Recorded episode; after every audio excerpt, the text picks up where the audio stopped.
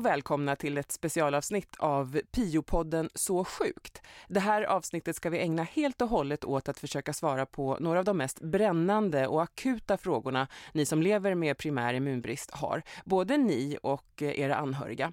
Det har kommit in många frågor till patientorganisationen och jag ska försöka få svar på så många som möjligt av professor Lennart Hammarström från Karolinska institutet. Är du där? Jag är här. Hej hej, så låter du. Och Så sjukts husdoktor Anders Fast i Göteborg. Jajamän, här är jag. Jag ska säga att du också sitter i styrelsen för primär immunbristorganisationen PIO. Eh, och både Lennart och Anders har tagit sig tid att svara på våra, eller snarare era frågor per telefon. Tusen tack för det. Jag förstår att ni har rätt mycket nu.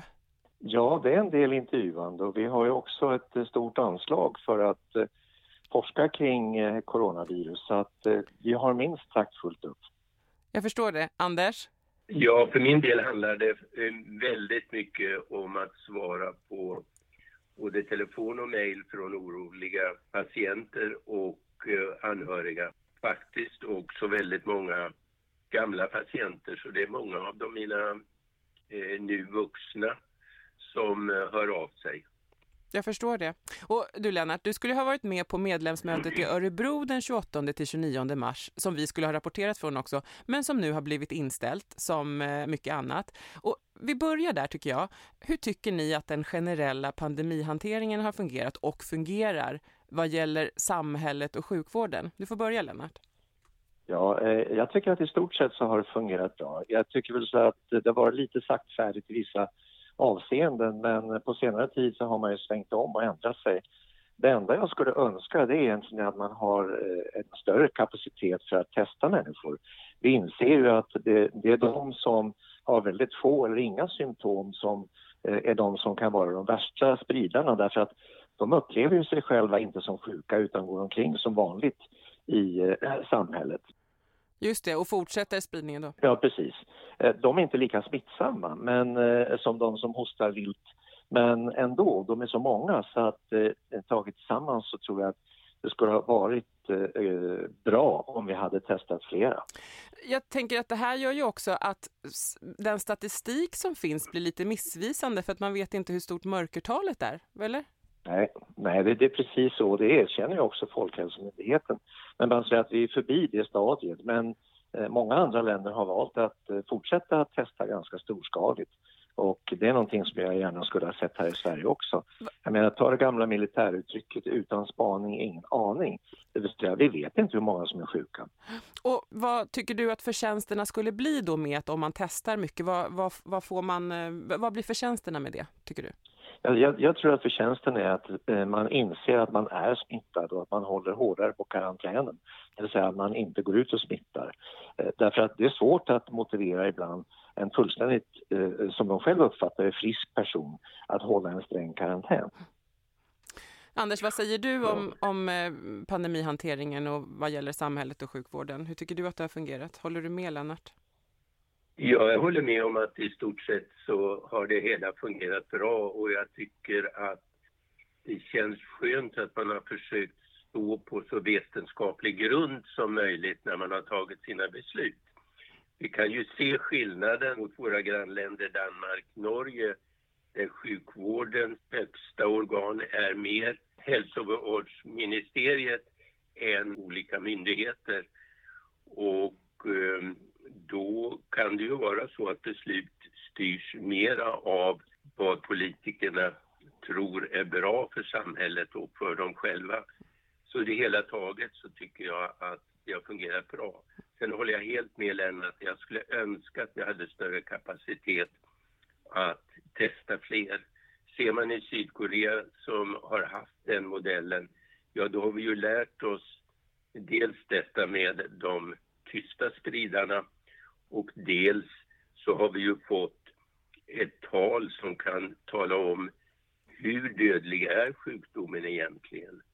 Jag såg en kommentar i, i, i, om hur situationen är i USA. Där kan vi ju överhuvudtaget inte veta hur många som är smittade därför att av de få som är testade så tillhör nästan alla celebriteter. Det är de som har eh, resurserna. Ja, och tillgången. Mm. Hörrni, om vi ska rikta in oss nu på Så sjukts fokusgrupp, personer med primär immunbrist och människor runt omkring dem. Ska personer med primär immunbrist vara extra försiktiga eller oroliga tycker ni? Det är väl en eh, blandad kompott och det är det svåra när jag ger råd till enskilda patienter eller närstående. Det är ju några grupper som eh, ja, till exempel har brist på de vita blodkroppar som kallas för neutrofila men har helt perfekt försvar vad det gäller T-celler och B-celler. Och det är ju T-cellerna som vi anser vara viktiga i detta. Eh, de borde då inte på samma sätt vara en, ha en ökad risk. Det gäller också eh, de patienter som har en komplementbrist. De borde heller inte vara någon ökad risk. Ja, möjligen för komplikationer med bakteriell lunginflammation efteråt. Men generellt inte. Det är de med de svåra T-cellsbristerna som är mest utsatta. Men att ge en siffra, när är man när har man så dålig T-cellsfunktion eller så få T-celler så att man ska vara extra försiktig. Det är där någonstans som dilemmat eh, finns, som jag ser det. Men hur försiktiga vi ska vara, det, det är omöjligt att säga exakt. Lennart, vad säger du? Behöver de skydda sig på något särskilt mer extremt sätt? Nej, det, det är de vanliga, eh, det, det vanliga skyddet som gäller. Men vissa patienter är ju betydligt mer känsliga, mm. precis som Anders påpekar, de som har en T-cellsdefekt. Men även de som har en, en grav B-cellsdefekt och inte kan göra några antikroppar, där skulle jag nog räkna med att de har en försvårad eller förlängd eh, sjukdomsperiod. Men framförallt så finns det också bland våra patienter de som har komplicerande faktorer som samtidig lungsjuka och då börjar mm. Eh, saker och ting bli allvarligare. Eller de som på grund av autoimmuna manifestationer får immunhämmande medel. De eh, är också en, en, en riskgrupp för sig. Och det är viktigt det du säger Lennart. Vi måste alltså för den enskilda patienten lägga ihop. Ja, här kanske inte så mycket T-cellsdefekt men till exempel någon, som du säger Lennart, med en antikroppsdefekt eller en vanlig variabel immunbrist. De kanske har en eh, lungskada. De kanske har andra komplikationer. De kanske har de autoimmuna fenomenen med diabetes, kanske högt blodtryck. Och så får man lägga ihop allt det här och försöka värdera det. Det finns många parametrar att, att lägga in i det här och värdera in eh, helt enkelt. Det är ju klart. Och det känns också som att, att det är viktigt att ha en ganska ingående kunskap om sin egen e-, diagnos, inte sant? Ja, absolut. Det skulle jag säga. Och att känner man sig osäker, att ha en dialog med sin läkare. Jag tror att detta är viktigt, och inte minst ur psykologisk synpunkt, så att man får en realistisk bild över hur stor risk är det för mig och hur allvarligt skulle det vara för mig. Det går ju inte att säga exakt, men trots allt kunskap är den viktigaste hjälpen i detta. Både för att förstå sjukdomen men också för att eh, göra sig lite lugnare om möjligt. Precis, att ha någon att hålla i handen och få ett stöd helt enkelt. Mm. Ja. Eh, den normala immunglobulinbehandlingen, skyddar den på något sätt? Nej, det, det, gör den tyvärr inte därför att det här är en helt ny smitta vilket innebär att det finns inga antikroppar i befolkningen eh, som helhet och det innebär att eftersom man tar gammaglobulinet från normala plasmagivare så finns det inga antikroppar mot det nya coronaviruset i gammaglobulinet. Och när vi ändå är inne på man det... Ja, förlåt Anders, säg. Eh, jo, jag ska bara lägga till att med det sätt vi tillverkar immunglobulin och med det säkerhet som omger det så kan man säga att det är ungefär ett år sedan plasmagivaren gav den plasma som nu har resulterat i det immunglobulin som patienterna får. Det vill säga för ett år sedan hade vi ingen epidemi. Vi hade inte ens kunskap om att det här viruset fanns. Ja, covid-19 heter sjukdomen som, orsak, som orsakas av coronaviruset och om man får covid-19 så kan man vara nästan helt symptomfri, sägs det. Vad händer om en sån person eh, har donerat blod som sen eh, ja, i framtiden ingår i en, eh, i en pi-patients behandling? man kommer att eh, testa för eh, det nya viruset precis som man testar för en lång rad andra patogener i gammaldublinet. Så att det säkerställer att det inte ska finnas. Och dessutom som Anders var inne på så ligger det plasma man har samlat in i karantän eh, för att man ska kunna eh, se om någon av de som har givit har insjuknat och i så fall kan man plocka bort eh, den donationen. Sen ska man veta att detta virus är lipidhöljeförsett och den, mm. den process som man använder kommer att med största sannolikhet att eliminera även kvarvarande virus. Finns det andra farhågor angående plasmatillgången, tycker ni? Ja, det är väl egentligen att eh, man hoppas att de som har eh, tillfrisknat ställer upp i högre utsträckning än vad man har gjort eh, hittills och lämnar plasma om vi kan ordna insamling och fraktionering på det sätt som vi nu försöker göra. Mm. Jag håller bara med. Det vore värdefullt om man fortsätter sitt frivilliga arbete med donation av plasma som man har gjort innan ett insjuknande. Plus att det kan ju ge en möjlighet att faktiskt se hur eh, väl man har ett skydd efteråt. Hur mycket antikroppar finns specifikt mot just detta virus? Ja, det, det tror jag är en bärande fråga för att eh, jag tror man måste testa varje donation individuellt för att se eh, om det finns tillräckliga mängder antikroppar för att ska kunna utgöra basen för ett eh, preparat som innehåller höga nivåer. Eh, det verkar som om antikropparna försvinner relativt fort och vissa individer som har tillfrisknat har relativt lite antikroppar. Så förmodligen behöver man titta på mängd och specificitet av de antikroppar som finns i, i de individuella donationerna. För de där antikropparna kropparna vill vi ju åt lite granna, eller hur? Jag tänker ja, mot, emot fram, alltså för, att, för att få kontroll i framtiden, tänker jag.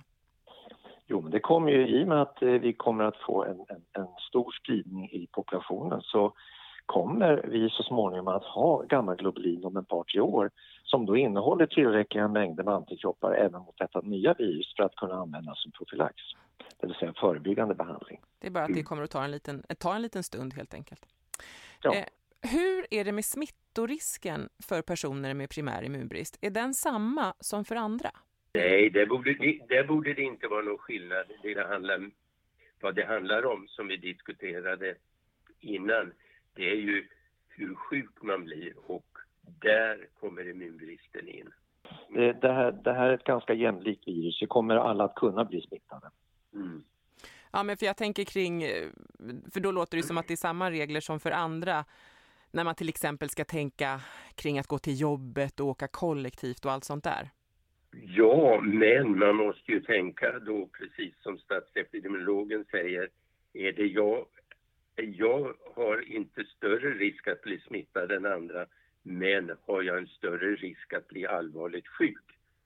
Och det är ju det som då skulle motivera att jag håller mig undan om jag har en immunbrist med mycket effekt på T-cellerna, om jag har andra komplicerande faktorer som lungskada och liknande.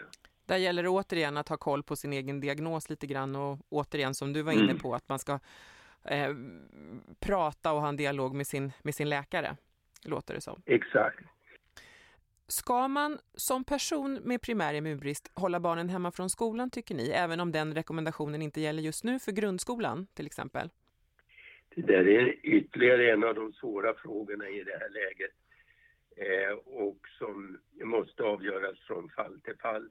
I vissa fall, ja, jag har haft eh, barn med en svår immunbrist där, säg till exempel, eh, mer än hundra andra barn i den skolan var hemma på grund av infektion och vi inte vet vad det är för någon infektion. Det är väl vanlig förkylning, men då har jag sagt att jag tycker syskonen ska vara hemma också Men återigen, det här måste diskuteras från person till person. Mm. Och för jag förstår ju att om till exempel i ditt, i ditt exempelfall där så kan ju de konsekvenserna för det barnet med primär immunbrist bli väldigt, väldigt jobbiga. Precis. Sen är det förstås olika beroende på var i landet man bor. Att smittorisken och spridningsrisken är olika eh, på olika delar av landet. Ja, det är precis. Och det är en av de faktorerna som man nu måste väga in.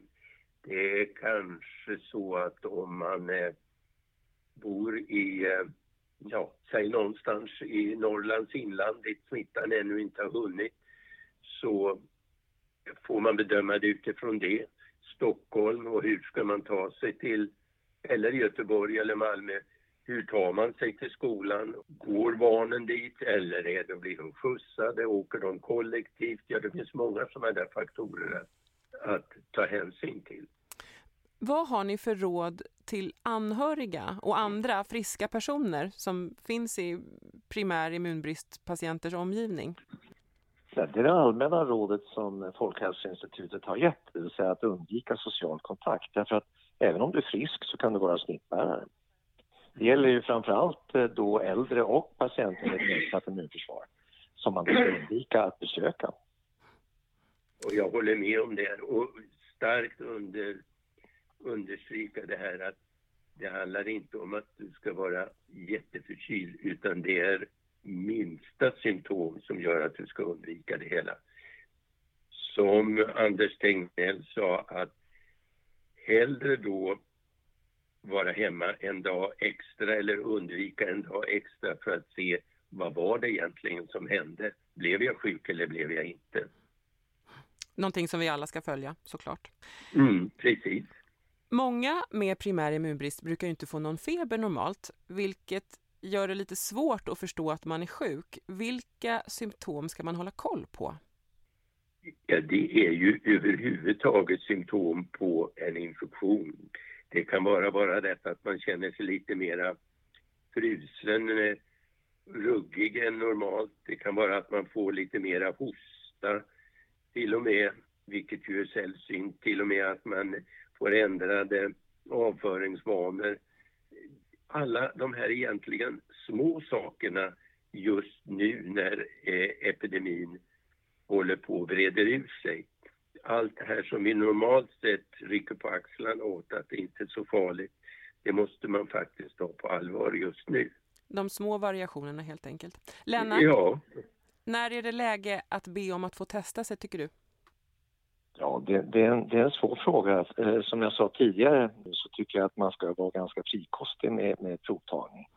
Och jag har också sett att vi har eh, fått möjligheter nu på senare tid att öka kapaciteten. Det är bara frågan om man beslutar eh, om att göra det. Kan man som P... Men... Ja, förlåt. Förlåt, Anders. Jag kan bara säga att testa sig, det behöver inte bara gälla detta virus utan det kan ju faktiskt i vissa lägen vara bra att se att det inte är en vanlig influensa och därmed man kan dra andra slutsatser. Att försöka eh, på indirekt sätt säga att ja, det här är inte corona därför att vi har visat att du faktiskt bär på det här eller det här viruset. Det. Kan man som PI-patient kräva att få bli testad? Nej, det, det, tror jag inte att man kan göra i dagsläget därför att det finns faktiskt inte kapacitet nog att göra det. Utan den måste i så fall politiskt eh, beslutas att vi ska ha den kapaciteten så att vi får möjlighet att göra det. I dagsläget så fungerar ju 1177 som en broms och säger att nej, du ska inte testas. Och eh, du får bara komma till mottagningen för att eh, ta ett prov om du har passerat nålsögat. Lennart, om man faktiskt nu blir smittad, jag vet att vi har varit inne lite på det, men vi kan eh, understryka tycker jag, vad är viktigt att tänka på då? Eh, att man, eh, har, att man håller sig själv isolerad för att skydda andra mot den infektion man har och att man vid tecken på försämring har en dialog med sin läkare och eller med sjukvården för att kunna få den hjälp man behöver. Det är ju långt ifrån alla som får en svår sjukdom. Vi vet fortfarande inte idag exakt hur många men det är ett relativt fåtal som blir sjuka och det viktiga är väl i dagsläget då att att eh, kunna sålla ut de patienter som har ett behov av eh, sjukhusvård eftersom vi har begränsade resurser när det gäller intensivvård etc. Det är ju ibland svårt att komma i kontakt med vården överhuvudtaget i vissa regioner. Har ni några råd där? Det är ju svårt att ge råd i detta. Läkarna kan ju vara upptagna av olika eh, uppgifter för att just till exempel begränsa smittan och för vuxna är det ofta infektionsläkare eller oftast infektionsläkare som har hand om personer med primär immunbrist och de är ju samtidigt de som eh, ska ta tag i eh, de patienter som faktiskt har covid-19. Så det där är ett litet dilemma och um, ja, det, det, är svårt att lösa. Det är väl egentligen bara så att man får göra upprepade försök. Man skulle önska att det fanns en eh, sms-tjänst eller en eh, mejladress där någon satt och svarade på frågor. Ja, men det är faktiskt ett väldigt bra tips. Men det låter också som att, som att eh, patienter som eh, behöver komma i kontakt med vården just nu i icke-akuta fall måste ha en viss förståelse just nu i varje fall. För att det är mycket för alla helt enkelt. Ja, jag tror det. Ett annat problem, eh, åtminstone här i Stockholm, är att människor börjat hamstra lite som jag tycker smågalna grejer som till exempel toalettpapper, men också faktiskt läkemedel. Hur orolig ska man vara för att eh, immunglobulin, antibiotika och annan nödvändig behandling tar slut? Ja, I dagsläget så tror jag att eh, det finns immunglobulin eftersom eh, eh gammaglobulinet som, som vi har ju inte fungerar mot covid som det är så att det kommer inte att finnas någon överförbrukning av gammaglobulinet. Och det är dessutom strikt begränsat eh, receptbelagt etc. Så det kommer inte vara något större problem. När det gäller antibiotika så tror jag också att det finns antibiotika så att det räcker. Men ett, ett varningstecken är ju förstås att mycket av den råvara som används för olika antibiotika eh, den, den produceras i Kina där produktionen har gått ner och jag vet inte hur stora lager som eh, läkemedelsföretagen har på dessa råsubstanser. Men det hoppas man också att det är någonting som myndigheterna informerar och har kontroll över. Vet du något om det? Är det så? De har ju översikten över eh, läkemedelsförsörjning och eh, jag förlitar mig på att de kommer att kunna göra det. Det här med hamstringen, det är ju förstås ett uttryck för extrem oro, vare sig den är obefogad eller ej. Och många män människor är också oroliga över att myndigheter i olika länder beslutar olika och i sociala medier går debatterna vilda och konspirationsteorierna frodas. Vilka källor vänder ni er till och vilka rekommenderar ni för våra lyssnare? Förutom Pios hemsida som alltid uppdateras när det finns något nytt att säga jag skulle säga att förutom PIO så är det Folkhälsomyndigheten som eh, allmänheten ska vända sig till. Det är ändå den rösten som talar för oss alla.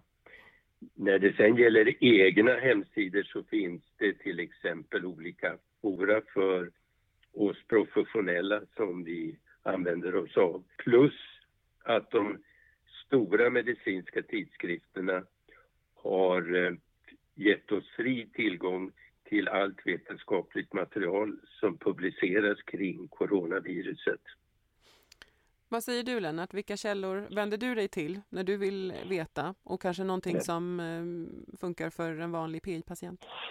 Nej, det är ju Folkhälsomyndighetens uppgifter som det speglas då i olika tidningar eh, och på andra hemsidor. Och Eh, sen har ju vi då tillgång till eh, den vetenskapliga litteraturen. Och där har ju tidskrifterna varit föredömliga, inte bara tillåta oss att få se utan de publicerar oerhört snabbt. Det kan mm. vara frågan om dagar eh, från det som eh, en artikel skickas in tills den ligger ute på nätet. Och det har varit oerhört värdefullt.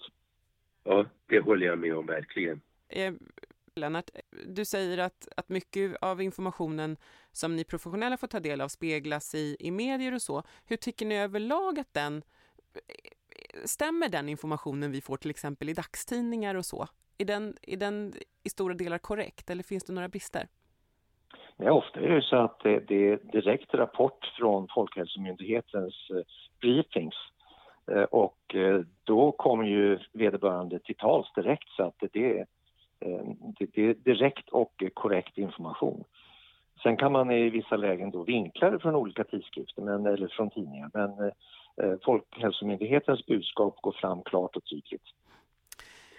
Ja, det håller jag med om. Och om man säger till de vetenskapliga rapporterna så har ju de stora dagstidningarna i landet, de har ju speciella medicinreporter och till exempel Vetenskapsradion i Sveriges Radio har eh, fasta medicinreportrar och är vana att bedöma det som kommer. Så jag tycker att det fungerar bra där. Jag har läst att det pågår forskning kring antivirala läkemedel. Eh, I vilken utsträckning pågår det och vad finns det att testa där? Vad, vad, vad händer inom det området? Ja, man har ju prövat en del av de preparat som användes tidigare under sars-epidemin. Eh, och eh, det finns förhoppningar och det pågår ett, ett relativt stort antal kliniska prövningar eh, där vi dock inte kommer att veta resultatet förrän om någon eller några månader. Men jag ser att det finns ett visst hopp i några av de substanser som man för närvarande prövar. För det här skulle i sådana fall vara mycket goda nyheter för PI-patienter? Oh ja, för det här är någonting som skulle kunna komma relativt snabbt. Mm. An ja, vad ville du säga Anders? Nej, jag säger också att det på, det finns en annan sida av detta med att forskningen kring virusmedel, att den faktiskt kommer igång med en annan fart. Det har ju varit svårt att hitta medel mot virusinfektioner och kan vi få en allmänt ökad forskning kring läkemedel som är verksamma mot virus, ja, då har vi fått en, en sekundär vinst av detta.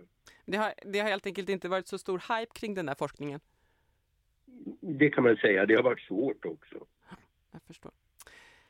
Anders och Lennart, stort tack för att ni tog er tid att göra den här intervjun. Tack så mycket. Ja, tack. Ja.